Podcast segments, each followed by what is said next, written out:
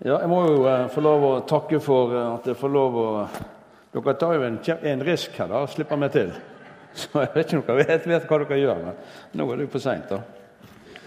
Så det er jo veldig bra. Men jeg skal ikke snakke om evangelisering i kveld, eller i dag. Så du kan senke skuldrene dine. Jeg skal ikke snakke om det. Du vet, Evangelisering det er et sånt rart ord. Det er, for det første så finner jeg det ikke i Bibelen. Og for det andre så har vi fylt det med innhold som ikke alltid hjelper oss. Um, men, men det er mer snakk om et hverdagsliv hvor vi lever full av Guds ånd, og Gud kan lede oss inn i situasjoner. Og, og, og det gode er at du kan være deg sjøl. Det er det fantastiske. Men du vet, noen ganger så leder Gud deg inn i situasjoner så, du, så blir det litt sånn, plutselig så er du fanget av situasjonen. Og så, og så vet du ikke hvordan skal jeg klare å komme ut av dette her igjen. En sånn situasjon var at jeg var på Østlandet så skulle jeg til Bergen. og Det var denne askeskyen holdt på å rote litt til på Island. Det er den eneste gangen jeg har følt meg som en sånn svovelpredikant. Okay. Men i hvert fall så eh, skulle jeg hjem igjen fra Skien til Bergen, og så hadde jeg togbilletter. Men så tenkte jeg det går jo an å ta en sjanse og dra opp på flyplassen. Du vet jo aldri hva som skjer. Jeg skulle likt å sagt at jeg hadde fått et ord fra Gud, men eh, det hadde jeg ikke. Men jeg dro nå opp der, og eh, det var ikke så mange folk, men det var noen folk der. Og Så kom det en dame bort meg og sa hun var journalist for en eller annen sånn lokalavis, om hun kunne få gjort intervju. Jeg er jo alltid åpen for intervju, så lenge jeg ikke tar bilde. Så jeg gjør meg best på radio, men det, har, det, skal ikke jeg si. Det får ikke lov å si, så det har ikke jeg sagt. Men, eh, men poenget var jo, nei, det var greit. Ja, hvor jeg skulle? Nei, jeg skulle til Bergen, sa jeg. Ja, men du skal vel ikke fly, sa hun. Jo, det var det jeg hadde håpet på. Da sier jeg på flyplassen. Eh, nei, men det går jo ikke noe fly.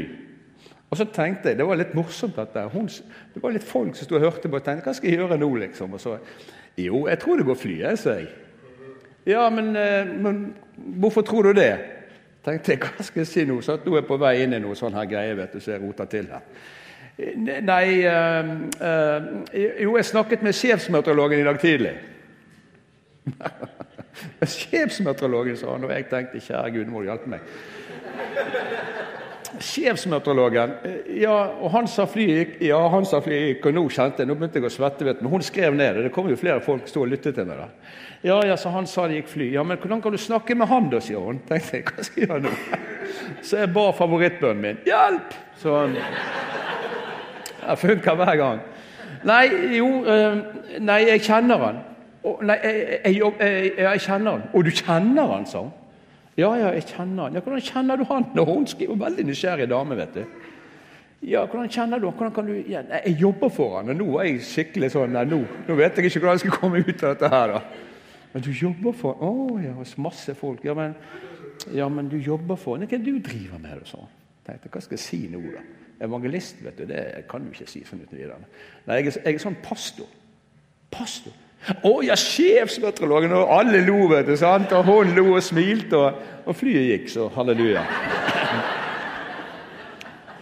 Det går jo an å ha det kjekt da når du skal evangelisere. da. Så du vet, folk får møte kristne som smiler. Det hjelper. Men eh, ikke noe men.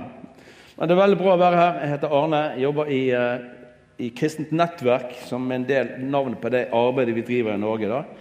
Så Vi har jo masse sånn kristne fellesskapsmenigheter. og Jeg skal hilse fra menigheten i Bergen. De har møte i dag, men de sender hilsen til denne delen av familien av arbeidslaget. Så um, gift med Kjersti, som er min støttekontakt. Så det er veldig bra. Fire døtre. Det er derfor håret mitt er hvitt. Så nei da, de er fantastiske døtre. Um, det er i Matteus 4, 19-20 så sier Jesus dette her. Og Hvis jeg bare kan få komme med en sånn en ting som har hjulpet meg veldig Hver gang jeg leser om ordet disippel eller Jesus som snakker til disiplene, så inkluderer jeg meg selv, fordi vi er alle disipler. Sånn at når jeg, leser, når jeg leser Guds ord, så er Guds ord et sånt ord som er levende, og det taler til oss i 2015. Så når Jesus snakker til disiplene, da, da er jeg der iblant dem med en gang, for da vil jeg høre fra Jesus for jeg er en disippel. Ok, og Her snakker han til disiplene, og så sier han 'Kom og følg meg', og så kommer det løftet som uh, står her. 'Så skal jeg gjøre dere til menneskefiskere'. Sånn at uh, Det er et løfte som Jesus gir. at, at hvis vi følger han, det er vår respons, så skal han gjøre oss til menneskefiskere. Og, og Det er ikke snakk om evangelister, for det at disiplene var jo veldig ulike i utrustningen. De som gikk med Jesus, og det er vi òg. Men de hadde én ting felles. De var alle menneskefiskere. Og Jesus sier at når vi følger han, så skal han gjøre oss til menneskefiskere. Og Da tenker jeg at det er et løfte fra Jesus. Og løftet, Når Jesus gir et løfte, så står han bak det løftet. Det er noe han vil gjøre. Han vil lære oss å fiske mennesker. Men da er mitt spørsmål Herre, hvordan kan jeg følge deg i 2015? Må, hvordan, kan, hvordan, kan, jeg følge det? Jeg vet at det, jo, jeg kan lese ordet, jeg kan be til Han, jeg kan, jeg kan, gå i menigheten, jeg kan gå på møter, jeg kan, jeg kan, tjene folk, jeg kan prøve å være så god som mulig. Og, og, Alt det har jo med å følge Jesus, men det må jo være noe mer også. Og, og Jeg begynte å spørre sånn, jeg er veldig sånn Når jeg leser Guds ord, så, så spør jeg Herre, hvordan kan jeg leve det ordet som jeg leser, sånn at jeg ikke bare får et stort hode og små føtter. Hvordan kan, hvordan kan det ordet der få bli kjøtt og blod, Herre, i mitt liv, når, når, når, du sier 'følg meg', og så skal jeg lære deg å, å fiske mennesker?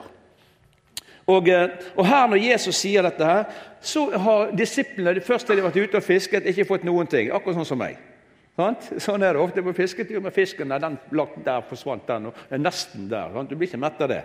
Masse napp og ingen fisk. Men de hadde fått fisk fordi Jesus hadde sagt 'gå ut en gang til'. Og På hans ord så gikk de ut, og så fikk de en kjempefangst. Og Så sier Jesus, 'Kom og følg meg'. Og så står det 'Med ett slapp de garnet og fulgte Jesus'. Det var responsen som de ga. Det var ikke mye spørsmål, men de begynte å følge Jesus. Eh, og så har du i, i, Lukas 9 så er det den samme Jesus som sier dette her. Han sa til en annen person 'Kom og følg meg', kapittel 9, vers 59. Og så står det Og mannen var helt enig. Men så står det 'men la meg først'. Sånn at han var enig når Jesus sa 'kom og følg meg', men Og litt, litt lenger ute der så, så, sa Jesus også Eller det var en som kom til Jesus og sa ja, 'Herre, jeg vil følge deg'. Så han sa alle de riktige ordene. 'Ja, Herre, jeg vil følge deg'. Og så står det 'men la meg først'. Og så sier Jesus dette her, da. Ingen som legger hånden på plogen og ser seg tilbake, er skikket for Guds rike. Det er ganske tøffe ord. Men du kan ikke følge Jesus i dag hvis du skal se tilbake. Hvis jeg hadde kjørt bilen ned skulle inn i klostergarasjen og jeg kom opp i Fana Hvis jeg skulle kjørt og bare sett det innvendige speilet, så hadde jeg gått i grøften før eller siden. Og det er altfor mange kristne som, som, er fanget av det som ligger bak. Vet du hva, Hvis du kan tenke deg menigheten her, eller vår menighet, eller, eller deg personlig Hvis du ser for deg en sånn sluse, og der ligger det et skip, og det skipet det kan være menigheten. Eh, og, og, og Gud har talt ord over menigheten her, det er jeg overbevist om at dere har fått løfter, og kanskje du også i din personlige vandring, det kallet Gud har for deg, at, at Gud har sagt Gud vil gjøre noe. Og Gud han ønsker han å ta menigheten. Han ønsker at menigheten skal, skal opp og videre og utover og nå mye større områder, berøre enda flere mennesker. Gud vil det, og så sier han at han vil velsigne. Gud ønsker å fylle denne slusen med regn og med vann. Sånn at det er vannet som skal løfte opp denne båten, og det er vannet som skal ta båten videre. Det er, det er så mange løfter i Guds ord. Men vet du hva? Det hjelper ikke hvor mye vann Gud fyller på i den slusen, hvis ikke vi lukker de portene igjen bak oss. Og Da tenker jeg altså at det er altfor mange av oss som enten lever i fremtiden eller så lever vi i fortiden. Men vet du hva? Du har kun denne dagen i dag. Det er det som er livet ditt. Du kan aldri hoppe over du kan aldri hoppe over det første steget. Og det er kun i dag du kan tjene Herren. Hvis ikke du kan leve i dag det som Gud har talt til deg om det som skal komme, så kommer vi aldri inn i det.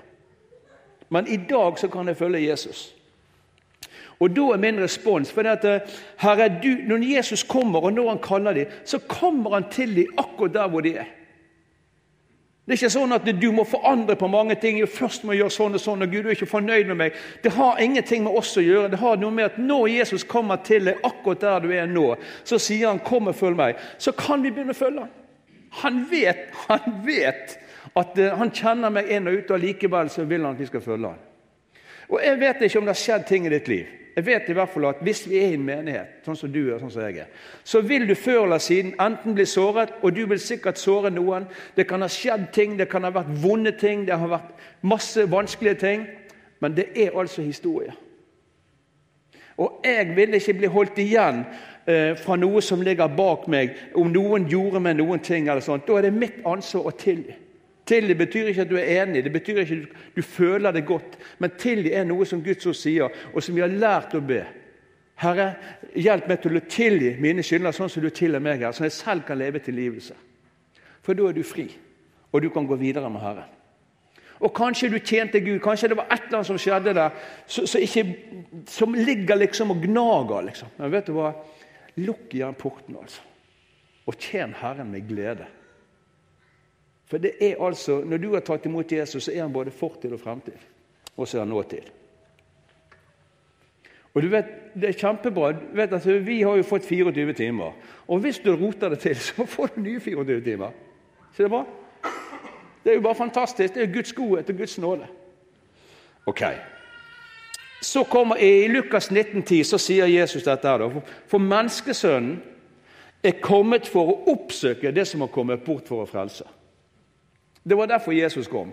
Jesus kom for å oppsøke det som var kommet bort. Og jeg liker det uttrykket 'kommet bort'. Det betyr at det må jo ha tilhørt noen en gang. Og det er jo det vi er. Alle mennesker er skapt i Guds bilde.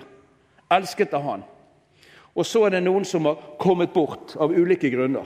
Men Jesus kom for å oppsøke, og det er derfor du er i dag. Hvis du er en kristen, så fant Jesus deg, og du ble berget. Amen. Og Da ble det ikke sånn at du, du, bare fikk et nytt liv, men du fikk hans liv. Og så fikk du et oppdrag. Sånn at det livet her nede er ikke et liv i overlevelsesteknikk for om å gjøre å overleve og komme til himmelen. Nei, nei, nei, nei. Du er her med en hensikt. Vi har et oppdrag. Vi skal se denne verden bli forandret i Jesu, i Jesu kraft. Amen. Og, og Her sier altså Jesus da at han kom for å oppsøke det som har kommet bort for å berge, for å frelse. Og det vil han fremdeles. Men mer enn det enn bare han kom for å finne folk. Kanskje det er ting i ditt liv som er kommet bort. Kanskje det var en stund du var veldig frimodig, du tjente Gud med stor frimodighet. og du merket du, du var, om du sånn eller sånn, Men så skjedde det noen ting som gjorde at tingene Enten så fikk du litt sånn pepper, eller det var noen som var litt negative, eller du, du følte du mistet frimodighet. Men vet du hva? det må få være historie. Det er ny nåde. Det er så mye nåde fra himmelen. Og Hvis du kan stille deg rett foran Jesus og si Herre, kom og finn disse tingene igjen som er kommet bort, som, som tok frimodigheten min, eller som gjorde at jeg har holdt igjen og, og, og ikke helt tatt det initiativet. For det at Gud angrer aldri sin nådegave. Gud har lagt ting ned i deg. Gud har skapt deg, Gud har formet deg. Og han ønsker å bruke deg i sitt rike og i oppdraget som Gud har gitt. Og da, det, da, er, da, vil han komme og bringe frem igjen disse tingene her. Hvis vi bare sier 'Herre, jeg bare far i Jesu navn her, jeg vil tjene deg, Herre'. Jeg vil ikke lenger prøve å liksom, ha fokuset bakover eller, eller snakke meg sjøl ned. Hvis du går ned, så se opp i hvert fall altså, når, du, når du møter det gamle greiene. For husk at det gamle mennesket som hele tiden skal prøve å holde oss igjen, det tok Jesus livet av på korset. Han kom ikke for å pynte på det. Vi døde med han, sier Guds ord. og Vi blir reist sammen med han. Det er til og med blir satt sammen med han i det himmelske. Det er jo helt utrolig. Amen.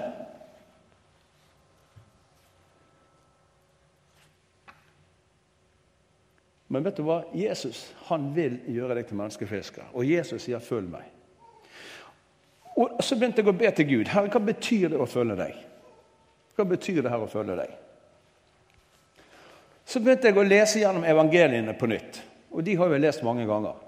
Men plutselig slår det meg at når jeg går til Bibelen, så ønsker jeg å se hva Guds ord sier. Og Så leser du hva Jesus sier, og så hører du på det Jesus sier. Men har du tenkt noen gang over at evangeliene, når du ser Jesus sitt jordiske liv Jesus han er 100% Gud. Det har det aldri vært tvil om. Men han ble også 100% menneske. Han kunne gjort dette på mange forskjellige måter. Jesus kunne, kunne, valgt å gjøre det på så mange måter, men det står han ble. Ordet ble kjøtt og blod. Han fikk en kropp. Han ble snekkersønn fra Nasaret. Han var 100% Gud, men er også 100% menneske. Og Har du noen gang tenkt at når Jesus fikk denne kroppen og ble snekkersønn fra Nasaret, og når han sier at vi som kristne, og det er her ikke Arne Skagen som sier det, her er Guds ord, at vi skal gjøre de samme gjerningene som han gjør, så betyr det at vi skal gjøre de samme gjerningene som han gjorde. Det kan godt hende vi kan mene noe om det, men hvilken rett har vi til å si noe annet enn det Jesus sier? Og, og hvilke gjerninger var det Jesus gjorde? Det må hele livet hans. Det var jo ikke bare det som noen fokuserer på, som er viktig, som er en del av dette med tegn og under og mirakler. Jeg ser mye tegn under og mirakler. Jeg har sett mye av det. Jeg reiser over hele verden. Inn i undergrunnsmenigheten i Kina, inn i Vietnam, inn i USA, England, Norge, Europa. Gud gjør ting. Men, men, hans gjerninger det er jo måten han kom han tjente på. Måten han bøyde seg ned og løftet andre opp. Måten han var på fjellet. Han var en bønnsmann. Han, han hadde fellesskap med far. Du vet, For meg av og til vet, når vi er ute og reiser, så tenker jeg nå skal jeg bruke god tid med Gud fellesskap med Gud. sant? Jeg har det lett for meg i fulltid. Nei, vi har alle fulltid. Bare det nå får jeg lønnen min fra Kristent Nettverk, og du får det kanskje fra Bergen kommune. ikke vet jeg. Men, men, poenget mitt er sant, og så vil jeg inn og så skal jeg bruke god tid og være sammen med far. og Så lukker jeg døren igjen og kaffekannen på bordet og Bibelen sånn. og Så går du inn og så lukker du døren og så begynner du å be til Gud. og Kanskje du går ned på knærne. og du, du, har god tid sammen med Gud, og du står på satt av hele dagen. Og så er du der og halleluja, så ser du på klokken som har gått fem minutter. Å, kjære vene. Sikkert aldri skjedd med deg, men, eh, men Jesus var på fjellet, står det, for å være sammen med far. Han var en bønnens mann.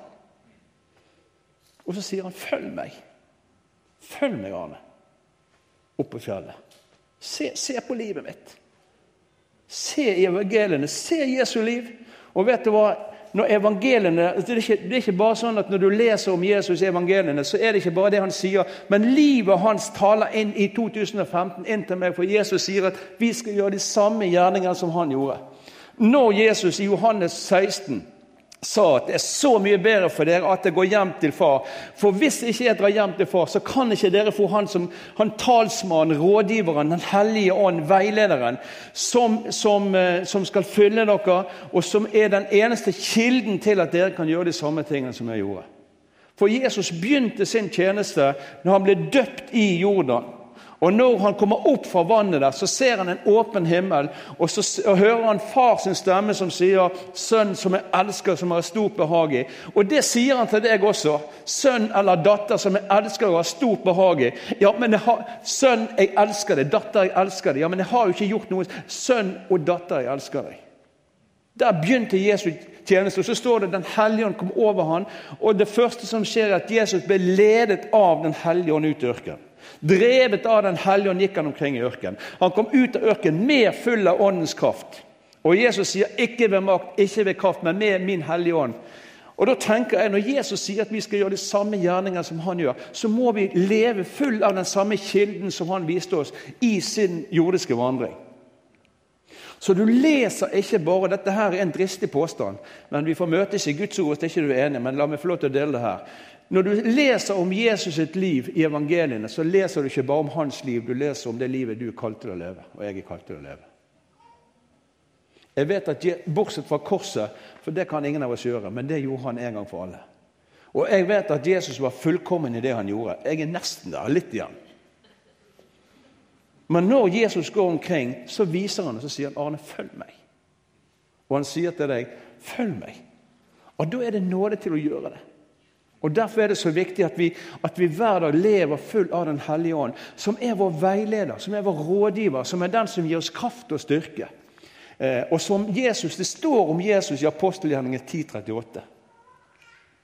Det står eh, at Jesus Kristus, eller Jesus fra Nasaret, som var salvet av Gud med Den hellige ånd og kraft. Hvorfor i all verden tenkte han å bli salvet av Gud med Den hellige ånd og kraft? Han var jo Guds sønn, ja han var det, men han valgte å bli et menneske for å vise oss at vi skulle fortsette å gjøre de gjerningene som han viste oss. Og det står Jesus Kristus, som, Jesus fra Nasaret, som var salvet av Gud med Den hellige ånd og kraft. Han gikk omkring, han gjorde godt, og han helbredet alle som var underkuet av djevelen. Og så står dette her Han var i stand til å gjøre alt dette fordi Gud var med han. Så alt Jesus gjorde, han var i stand til å gjøre det fordi Gud var med han. Men det har jeg lest et annet sted. Hva er det som står i misjonsbefalingen, da? At vi og, og du er inkludert. Du kan ikke dukke på den. Vi eh, skal gå ut og gjøre alle folkeslag til disipler. Det vi lærer dem, holde alt det som han har befalt, og vi skal døpe dem til Faderen, Sønnen og Den hellige ånds navn. Eh, det er jo et helt umulig oppdrag. Det går bare ikke. Men så kommer den setningen her, da. Og se, jeg er med dere alle dager inntil verdens ende. Folkens, hva betyr det for deg i møte med naboen din? Det må jo bety noen ting. Eller har vi hørt det så mange ganger at det ligger her?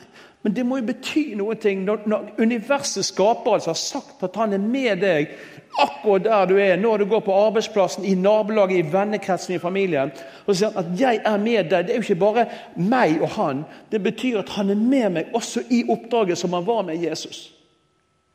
Så kilden til at Jesus gjorde alt det han gjorde, var fordi han var salvet av Gud med Den hellige ånd og kraft, og far var med han. Og det er han med oss òg. Det var noe voldsomt. Ja, men det er jo det. Jo, men det er sant. Dette her går på vår identitet. Det er så lett å fokusere på oss at vi er litt sånn stakkarslige og mon, mon jeg når det skjønne land som snubler gang på gang. Men du er født på ny. Du har Guds ånd på innsiden. Og Guds ånd er også der fordi han vil gi oss kraft og styrke til å bringe Jesus ut til mennesker. Og du kan gjøre det, og du kan være det selv med skuldrene senket og bare se hvordan Gud kan bruke oss. Men vi har gjort det så komplisert ofte. Og så prøver vi egen kraft, og så glemmer vi hele den siden med at Gud sier han er med oss hver eneste dag, inklusiv denne dagen her. Jeg syns denne historien er fantastisk med kvinnen ved brønnen. Og jeg, du vet, jeg, Når jeg leser sånne historier, da går jeg rett inn der. Jeg, jeg har vært i den brønnen mange ganger. Jeg lever meg sånn inn i det, for jeg tenker nå vil jeg lære. Nå, nå, nå, vil jeg lese Guds ord rett i min hverdag. Og det er fantastisk med Guds ord. Det, det, er, det, det er ut et levende ord. Det er ikke noe sånn, det lever. Det taler inn i vår situasjon i 2015. Så her kommer Jesus. da. Disiplene de har gått gjennom ørkenen. Og de er trøtte og de er slitne, og det var Jesus òg. Disiplene de var kjempesultne, så fokuset deres var på mat. Så de stikker nå av. Jeg skjønner ennå ikke hvorfor det må tolv mannfolk til for å kjøpe mat til 13 stykker. Men jeg vet ikke, det er gjerne kanskje noen greier der.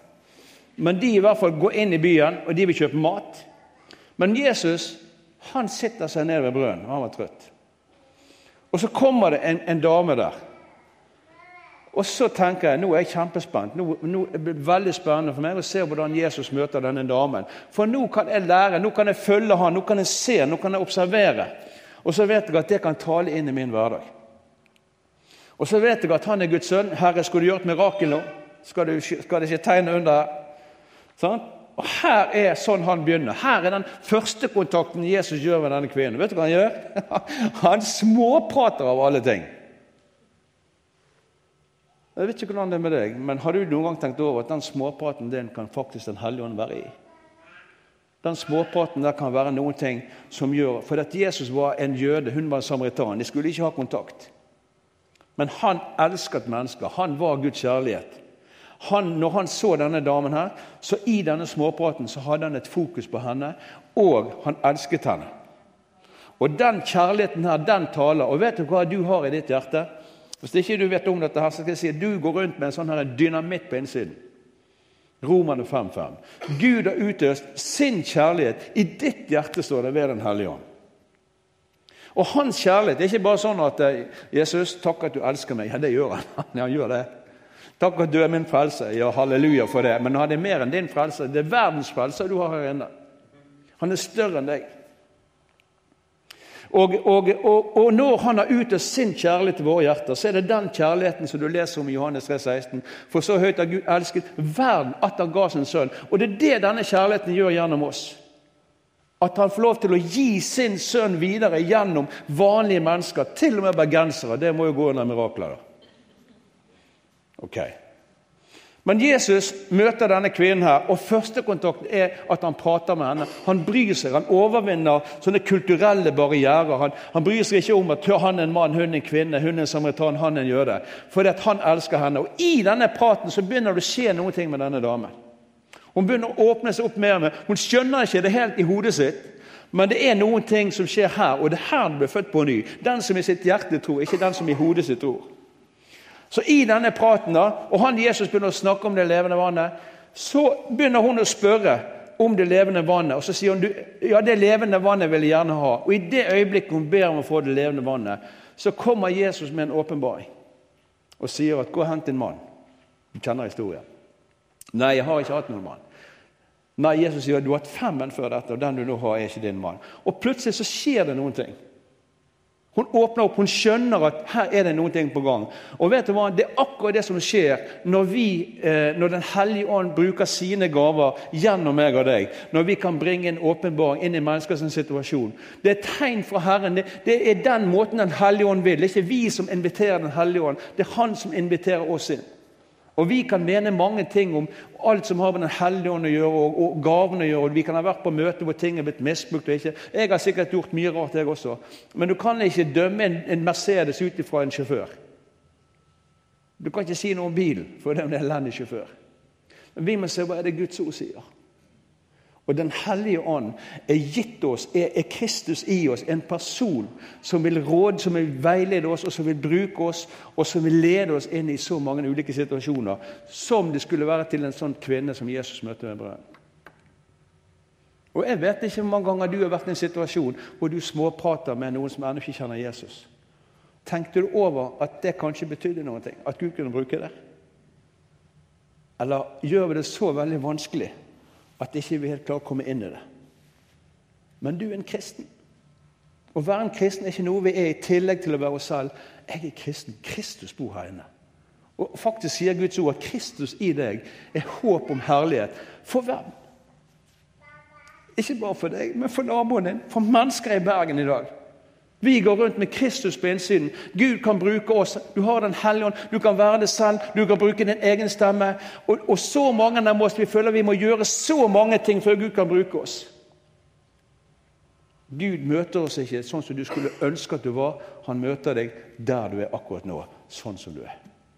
Takk Gud i himmelen. Han kom til Peter. Han møtte ham på arbeidsplassen ved sjøen. Og Så sier han 'kom og følg meg', og så gikk de sammen derifra. Og så var det disiplingen der. Eller når, når, når, eh, når Gud møtte Matteus, som jobber på skattekontoret, så kommer han til ham. Du sier 'kom og følg meg', og så går de sammen derifra. Og akkurat i dag så kommer Jesus til deg og til meg, og så sier han 'følg meg'. Ja, men Herre, jeg kan jo Følg meg bare. Herre, du vet. Jeg vil følge deg. Og så begynner denne prosessen hvor han lærer oss å fiske mennesker. Amen. Og det som skjer med den kvinnen her Tenk deg nå, nå har han møtt en mann som har satt henne fri. Og Hvis jeg hadde møtt en sånn mann som hadde liksom sett ting inn i livet mitt, og, og, og jeg tenkte kjære her, i hvert fall, her vil jeg ha mer. Men hun stikker, hun stikker av gårde. Hun, hun, bare løper vekk fra Jesus. Hun glemmer vannkroken sin, hun glemmer seg sjøl, glemmer sine egne behov. Tenker, I all verden som skjer? Jo, det som skjer, det første hun tenkte på når hun fikk det levende vannet, hun begynner å tenke på menneskene inn i landsbyen. De menneskene som hun hadde møtt, de som familien, venner, nabolag, vennekrets. Akkurat de samme menneskene som disiplene nå har truffet på vei inn i byen for å kjøpe mat, og de samme møten, menneskene de møter på veien ut. Det som skjer, det er nemlig at nå har Jesus kommet på innsiden hos denne kvinnen, og han begynner å søke for å finne det som har kommet bort, gjennom denne kvinnen. Og Det er det han ønsker med meg og deg òg. Han søker gjennom oss. Hele ditt sosiale nettverk, mennesker som du berører, mennesker som du kjenner. Og tenk deg menigheten her inne. da, Hvis, hvis hver av oss ser alle de vi berører det er Noen av de er høstlige, noen av de er de som Jesus ønsker å bringe inn i menigheten her. Og så kan det skje gjennom at du sitter ned og du begynner å småprate. Gjennom sånne hverdagshistorier. For evangeliene er bare masse hverdagshistorier med Jesus. Og når jeg har lest Jesus og jeg har begynt å gjenoppdage min egen hverdag i lys av evangeliene, plutselig så ser jeg de her små anledningene som, som Efeserne i 2.10 snakker om. De her ferdiglagte gjerningene som Gud har lagt ferdig foran oss, så vi kan vandre inn i dem. Og da begynner dagene mine å bli veldig spennende. Jeg har en kamerat som er rørlegger. Og vi har snakket om disse tingene her. At ikke la oss gjøre det her så går det komplisert, men Herre, hjelp meg. Hellig Jesus, du sier vi skal følge deg, og jeg ønsker å følge deg inn i sånne hverdagssituasjoner. Og så rørleggeren, så går han på jobb, og det, det gjør jo rørleggere. De, de, de, pleier å gå på jobb. Så, så det her er helt vanlig. Og så kommer han inn i et hus, og det er det jo ofte. Og så går han inn på kjøkkenet og så kryper han under vasken. Rørleggere de elsker å ligge under de vaskene. vet du. Ikke vet jeg hvorfor, men, men det er liksom, ja, men helt vanlig i dag. Helt vanlig i dag. Etter en stund så kommer hun som eier huset og sier du, jeg vil ha en kopp kaffe. Og han sier ja takk. Han har ikke tenkt tanken på evangelisering. Og så drikker de kaffe og spiser lunsjen sin der òg. Og så kommer det midt inni denne samtalen her, så, kom, så sier hun damen her hun sier det. Vet du hva? Jeg har fått eh, en kreftdiagnose. Uhelbredelig kreft.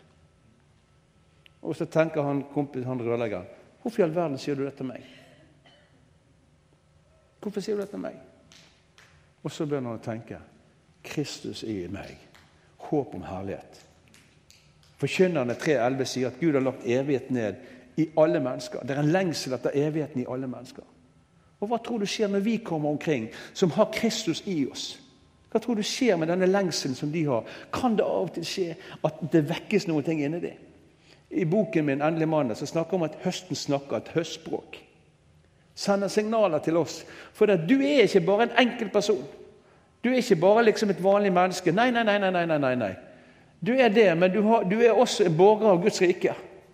Du har Guds ånd med deg. Jesus Kristus har tatt bolig i deg. Jeg lever ikke lenger selv, men Kristus lever i meg. Og det kan folk merke. Så når hun deler det, så, så sier han vennen vet du hva, jeg er kristen i min menighet. Hvis du ønsker så kan jeg komme tilbake i kveld. Ta med meg noen fra menigheten. For vi, ønsker, vi kan be for deg. Ønsker du det? Ønsker du det, så sier hun vil dere virkelig det? Du vet, Vi tenker altfor mye på andre sine vegne. Nei, vi kan ikke spørre om det. De vil sikkert Hva vet vi om det? Om kvelden så kommer de tilbake igjen. Og hun Heidi hun, hun deler historien sin. Og så sier han også dette her. Jeg har lurt lenge på hvordan jeg kan få fred med Gud. Jeg har lurt lenge på hvordan kan jeg bli en kristen. Og så spør Ønsker du å ta imot Jesus? Ja, jeg ønsker virkelig å ta imot Jesus. Og så får de lov å be for henne. Hun gir livet sitt til Jesus. Men ikke bare hun. For det at når én tar imot Jesus, så kan det godt hende hun kjenner noen andre som er positive til Jesus. Så I løpet av noen uker og en måned der, så tok mannen imot Jesus, og en, syv-åtte andre som, som, gjennom henne tok imot Jesus. Men en rørlegger som ligger under vasken og sier ja til en kaffeinvitasjon, som ikke tenkte han skulle evangelisere Heidi hun, hun døde, men hun lever. Eller han som sitter på en ferge, og det er det jo masse av i Norge, og i hvert fall oppe i Nord-Norge. Så sitter han i fergen, og så grunner han litt på de tingene her som vi har snakket om, sånne hverdagssituasjoner som evangeliene er fulle av. Og dette med å følge Jesus. Og si, 'Jesus, her er jeg, og hvis du vil bruke meg, så, så er jeg nå bare her.' Og Litt seinere kjører han om bord i fergen, så kommer den billettøren. og så ser han vennen min på denne billettøren og syns han ser, noe litt, uh, han ser ikke helt happy ut. Og så stiller han et enkelt spørsmål som du kunne gjort. 'Går det bra med deg?' Og så sier han 'Nei, det går ikke så bra'. Da har han tatt, her, nå har han vennen min tatt det første steget. Og da viser Gud gjerne oss det andre. Og da sier han går det an å ta en kopp kaffe sammen etterpå. Ja, ja, kjempefint. Igjen enkelt spørsmål, men responsen var ja. Så begynner de å snakke sammen. Og i denne praten så begynner han å dele om hvor vanskelig han har det. Og så viser det seg at de bor ikke så langt fra hverandre. De avtaler så møtes igjen. Eh, og så møtes de igjen, og etter en stund så tar han imot Jesus. Og så tar kona hans imot Jesus. Og så tar de to barna hans imot Jesus. Og så tar flere av naboene imot Jesus. Og så er det slektninger som tar imot Jesus. Og jeg snakker om i Norge i dag vet du hva, Jeg ser veldig mange mennesker ta imot Jesus. Og ikke bare personlig. Men det er altså folk som blir født på ny i Norge i dag. Gud gjør ting i Norge i dag. Gjennom vanlige mennesker. Som bare lever Jesus i hverdagen. Og som ser Herre, takk, denne historien med brønnen den historien taler til meg. Jeg opplever at jeg, Plutselig så gjenkjenner jeg tilsvarende situasjoner i min egen vandring. Som hjelper meg til å se det Jesus gjorde, som gir meg frimodighet til å småprate med mennesker, men at jeg fokuserer på dem. Og jeg vet at Den hellige ånd kan bruke til og med meg i å berøre mennesker med sin kjærlighet. Og han kan bruke deg. Og det er ikke noe annet han heller vil. Det er så mange mennesker i Bergen som gjerne ikke kommer på et møte, men det er, det er så mange rop som stiger opp til Herren. Og så kan du være deg sjøl. Tenk på det. Vær deg sjøl. Du er den beste i verden til å være deg. Ja, men det er sant. Du kan bare være deg sjøl. Alle andre er opptatt. Du har ikke kjangs. Men vet du hva? Det er faktisk godt nok. Det er godt nok. Du må hjelpe meg med tiden nå, for den har jeg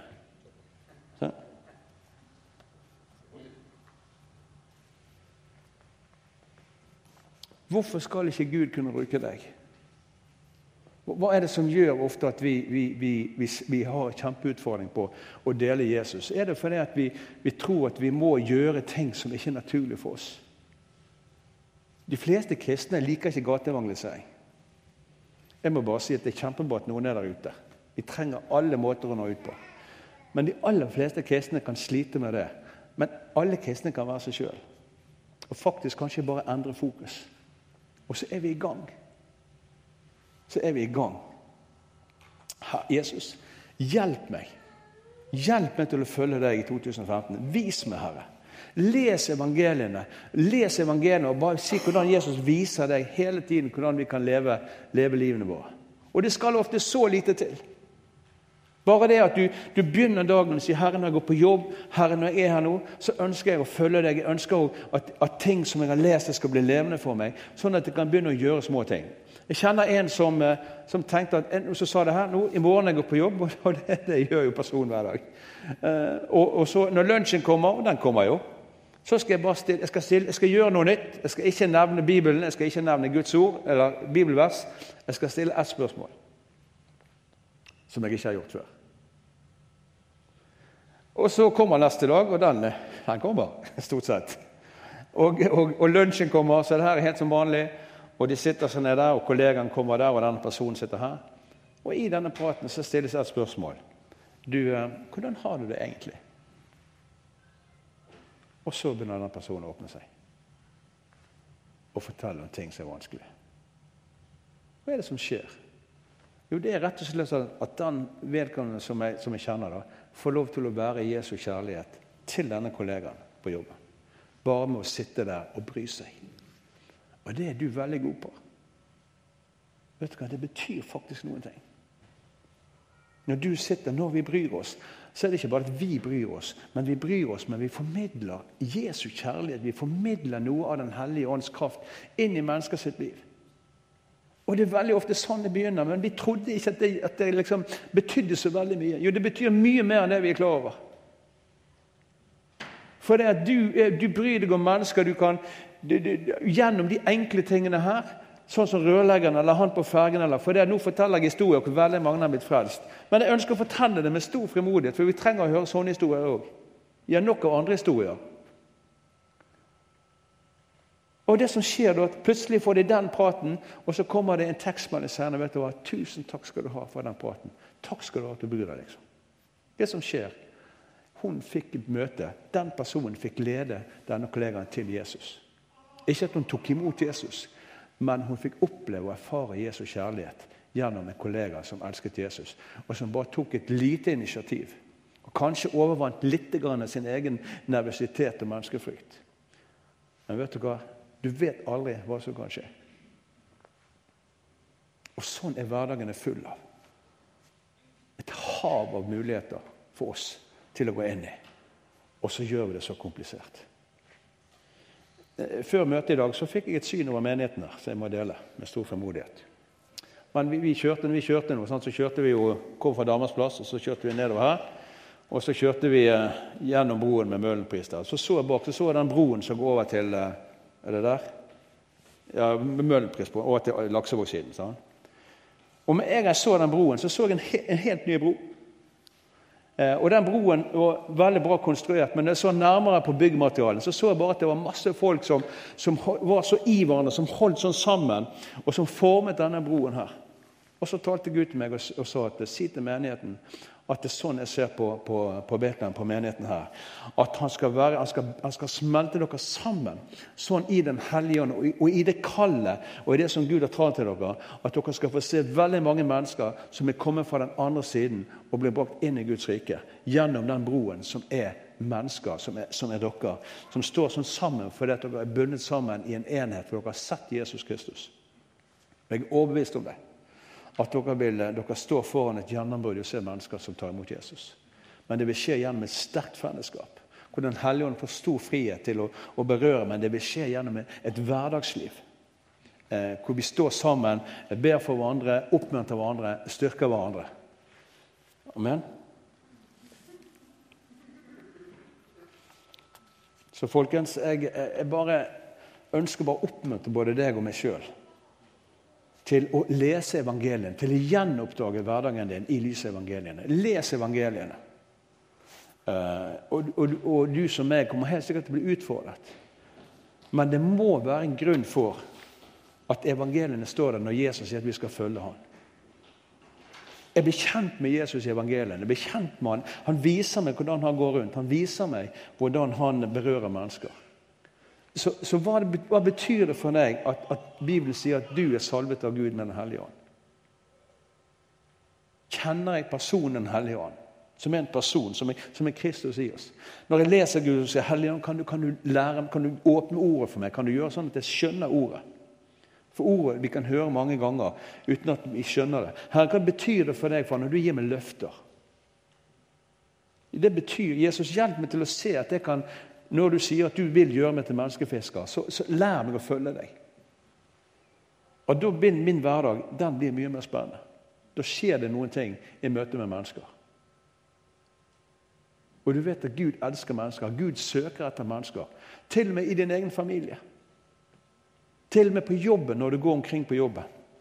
Til og med i nabolaget jobber Gud med mennesker, for Gud elsker alle mennesker. Men han trenger noen hender, kanskje. Kanskje han trenger noen føtter. Han trenger noen som, trenger noen som kan være hans forlengede arm. Og det er det vi er. Kroppen til Jesus Kristus. Gud han har mer tro på deg enn du har på han. Han vet hva han gjorde når han kalte deg. Han vet hva han gjorde når han kalte meg. Og så er det en ny nåde i dag til å stille deg foran og si, 'Herre, jeg, eh, kanskje jeg har rotet litt til. Kanskje jeg ikke tro på meg sjøl. Når du ser på deg sjøl i speilet om morgenen, så må du bare si 'Kristus gir deg håp om mennesker som jeg møter i dag'. Vet, når jeg ser meg sjøl i speilet, det første jeg sier 'Takk Gud i himmelen at jeg er gift', sier jeg.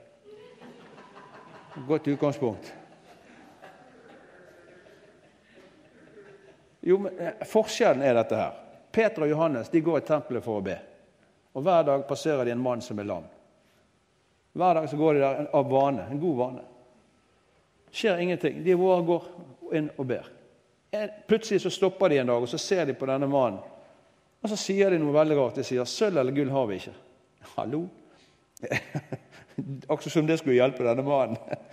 Men de, de, begynte med å si hva de ikke de hadde i seg sjøl. Men så sier de 'Men det vi har, det gir vi deg i Jesu Kristi Nazareans navn'. Vær helbredet. Så tok de tak i denne mannen og helbredet ham. Hva, hva som hadde skjedd den dagen og dagen før? Det var fordi at du hatt pinsedag. De hadde blitt fylt med Den hellige ånd. Som gjorde at de, de hadde, plutselig hadde identiteten deres blitt ny. De visste at i seg selv hadde de ingenting, men de visste faktisk at de hadde Guds ånd på innsiden. Og de fikk en åpenbaring om Jesus og hva hans navn har i seg. Og det navnet har han gitt til menigheten. Og ut ifra den identiteten så helbredet de denne mannen. Og det er sannheten om ditt liv også. Du er salvet av Gud med Den hellige ånd og kraft til å være et vitne. Ikke bare til å forkynne evangeliet, det òg på din måte. Men livene våre er sånn at vi skal ikke gå rundt sånn krampaktig og, og, ta oss sammen. Men Jesus vil vi skal falle sammen foran korset. Hver dag ta opp korset. Hver dag huske på det han har gjort for oss, hva han tok livet av på korset, og at vi har fått Den hellige ånd på innsiden, som gjør at vi kan leve et liv hvor vi følger Jesus. Vi ser det han ser, vi, vi hører det han hører. Vi, vi, vi har fokuset på, på, oppdraget, og vi vet at uh, oppdraget kall over, kall over ditt liv er av en sånn natur at det vil kreve mer av deg enn det du er i stand til å gjøre. For hvis, ikke, hvis, hvis, hvis, naturen var sånn at vi kan gjøre alt i vår egen kraft, da trenger vi ikke Den hellige ånd. Men fordi at kallet og naturen i kallet ditt er større og krever mer av deg enn det du er i stand til, så har vi fått Den hellige ånd. Og der forsvinner u-en. Og ingenting er umulig. Alt er mulig for den som tror. Ok? Så jeg har bare lyst til å, be en enkel bønn og si far, jeg bare ønsker å eh, Herre, det som, eh, hvis det er noe her som ikke er fra deg, så må du bare ta det bort. Men hvis det jeg har forkynt, er fra deg, her, så ber jeg om at det skal brenne i våre hjerter, Herre. Og ta oss ut av fortiden, Herre, og uh, troen på fremtiden, Herre. Men gi oss en forfrisket tro på dagen i dag, Herre. Under en åpen himmel, Herre. Full av Din Hellige Ånd, Herre. Og Hellige Ånd, jeg ber om at du skal lede oss at du skal få frihet til å bruke dine gaver sånn som du vil, der du vil, mot hvem du vil, Herre. Herre, jeg ber ut ifra det bildet med denne broen, Herre, at jeg velsigner menigheten. her. Takk at du skal, din ånd skal gjøre sånn at smelter sammen her, så det blir en konstruksjon av mennesker som, som demonstrerer enhet og pakt her, og står sånn sammen, Herre, i høstarbeidet for at mennesker skal få komme over på denne broen inn i ditt rike, Herre. Herre, velsigner menigheten, velsigner eneste en. Og Herre, jeg ber om at du skal tale til oss i dagene fremover hva det betyr Herre, å følge deg, Herre. Herre, jeg ber om at du skal lede hver eneste en inn i en sånn ferdiglagt gjerningssituasjon. Herre. Overraske oss Herre, og se Herre, at dette var faktisk eh, det var jo så enkelt i utgangspunktet. Men Herre, jeg bare takker deg for at eh, du skal få et folk, Herre, av alle oss kristne her, som, som ikke sier, Herre, at 'men, Herre, la meg først', men som gir en respons og bare slipper garnet og følger deg, Herre i Bergen i dag i 2015. Jesu Kristi nåde og Guds kjærlighet og fellesskap med Den hellige ånd være med deg i din hverdag. På din arbeidsplass. Folkens, det er, det er mennesker som venter på deg. Mennesker du allerede er i kontakt med. Gud har som tro på det. det. Det er så mye nåde fra himmelen til å la fortid være fortid og bare reise oss i stor forventning til dagen i dag, så kommer det lille spørsmålet. Eller den lille kommentaren. Ja, jeg har det litt vanskelig for tiden. Kanskje det er den døren du kan gå gjennom. Og så vil du finne et hus med mange rom og mange mennesker. Men Gud har tro på deg. Gud har salvet med Den hellige ånd og kraft. Himmelen er åpen, du har full tilgang til alt som er himmelske. Herre, din vilje skje på jorden som i himmelen. Vi ser det i himmelen, og vi får lov å bringe det ned gjennom å følge Jesus og gjennom å være lydig. Så kan mennesker få oppleve det største mirakelet, bli født på ny, ta imot Jesus. Få en berøring av hans kjærlighet. Amen.